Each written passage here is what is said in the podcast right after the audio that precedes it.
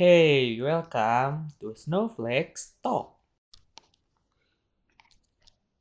Beberapa tahun terakhir ini banyak penelitian yang mau mengkaji hubungan antara sistem emosi dan sistem imun manusia.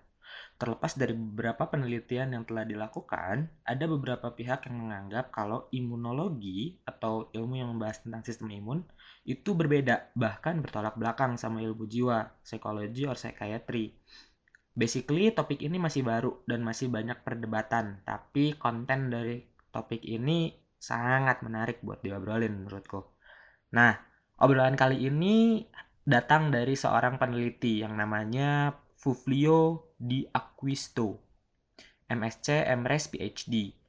Beliau menulis sebuah artikel yang mengkaji tentang irisan antara sistem imun dan sistem emosi Nama bahasannya atau nama topiknya adalah afektif imunologi.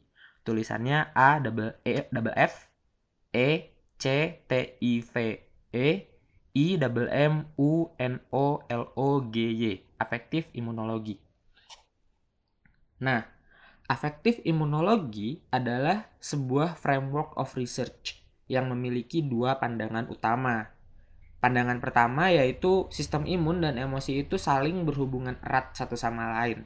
Ada dua base yang dipakai. Yang pertama adalah individu. Kalau misalnya individu dengan gangguan sistem imun juga bisa mengalami gangguan emosional. Dan penelitian lain bilang kalau misalnya orang yang ngalamin gangguan emosional juga bisa mengalami gangguan di sistem imun tubuhnya. Terus yang kedua, respon sistem imun dan emosional itu dinamis dan selalu berubah. Ini based on penemuan yang baru banget dan bisa dibilang kalau sistem imun dan sistem emosi ini kompak banget ketika beradaptasi sama lingkungan hidup yang dimiliki seseorang, terutama dalam menghadapi challenge yang mereka terima. Jadi, fokus obrolan kali ini adalah seerat apa sih hubungan antara sistem imun dan sistem emosi ini gitu loh. Nah, to be honest, artikel ini mantep banget. Ini menurutku nggak cuman cukup, tapi bisa menjawab pertanyaannya dengan cukup komprehensif. Meskipun penulis artikel ini, Bapak Fuflio ini bilang kalau misalnya masih banyak banget yang perlu dikaji dan dikembangkan. Tapi menurutku ini udah sangat cukup kok untuk menjawab fokus obrolan kita sekarang. Nah, aku mulai ya. Jadi, semua berawal ketika kamu mengalami hal yang gak menyenangkan. Oh iya, FYI, fokus artikel ini membahas emosi negatif alias emosi yang gak menyenangkan. Sedih, marah, kecewa, dan lain-lain gitu. Nah, jadi hal-hal yang nggak menyenangkan itu memicu dua jenis sel imun. Yang pertama namanya innate immunity cell atau sel yang berurusan dengan masalah dari luar tubuh. Yang kedua adalah adaptive immunity cells. Sel yang berurusan dengan masalah di dalam tubuh. Jadi innate dan adaptif ini adalah dua jenis sel imun tubuh ya, gengs. Nah, kedua sel ini bekerja dengan porsinya masing-masing untuk menghalau masalah yang diterima baik dari luar maupun dari dalam sampai kamu bisa kembali merasa nyaman atau bahasa psikologinya disebut titik equilibrium. Untuk lebih lengkapnya, titik equilibrium itu apa, cari sendiri di Google ya. Nah, hal yang nggak menyenangkan itu pun memicu sistem emosi untuk bekerja agar kamu tetap dalam kondisi emosi yang stabil dan nyaman. Agar kamu tetap bisa produktif, gengs. Jadi dua-duanya ini punya fungsinya masing-masing gitu loh.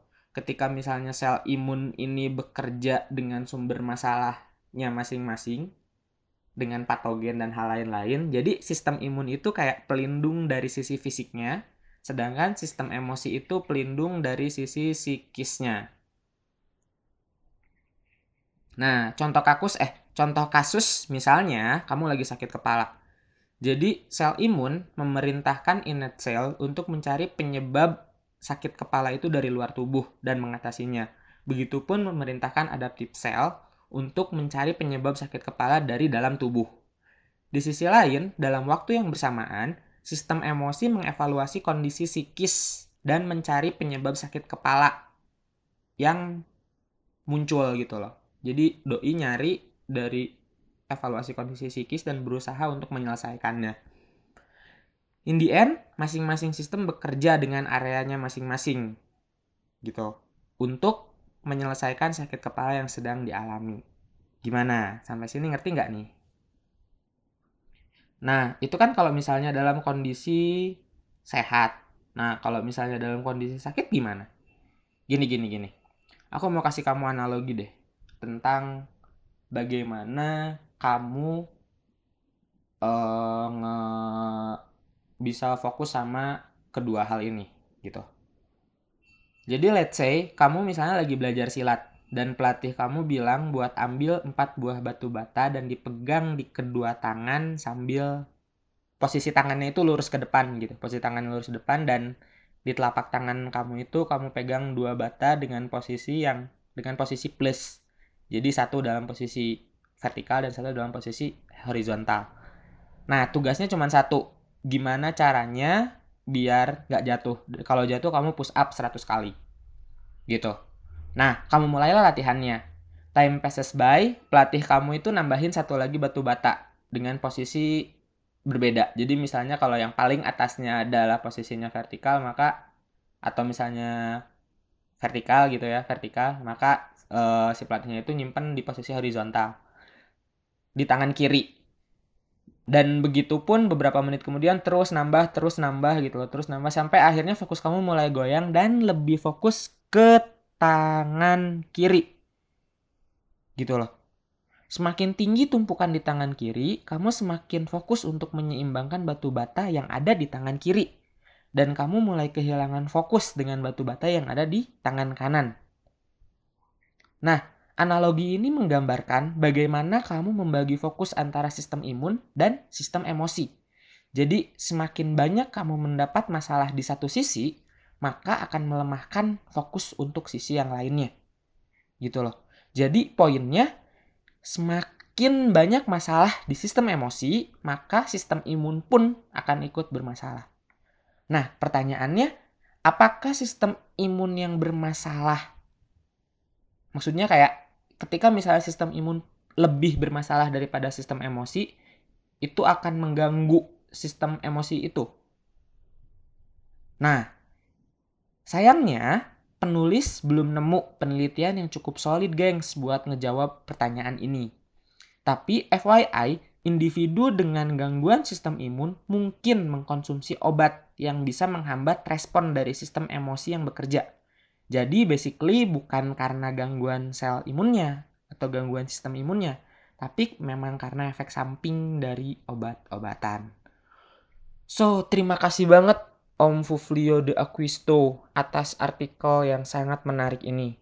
To be honest, ini kayak ngebuka pandangan aku tentang hubungan antara fisik, dimensi fisik dan dimensi psikis manusia gitu loh. Dan aku mau justru malah mau balik nanya sama kamu nih. Nah, udah tahu kayak gini, apakah kamu masih mau tetap ngasih beban batu bata tambahan buat sistem emosi kamu? Buat kamu yang mau lanjut ngobrol sama aku, yuk follow Instagram aku di @snowflake.014 dan subscribe di YouTube channel aku namanya Snowflake Talk. Thank you for your attention. Nah, kamu suka ngobrol? Kuilah kita ngobrol.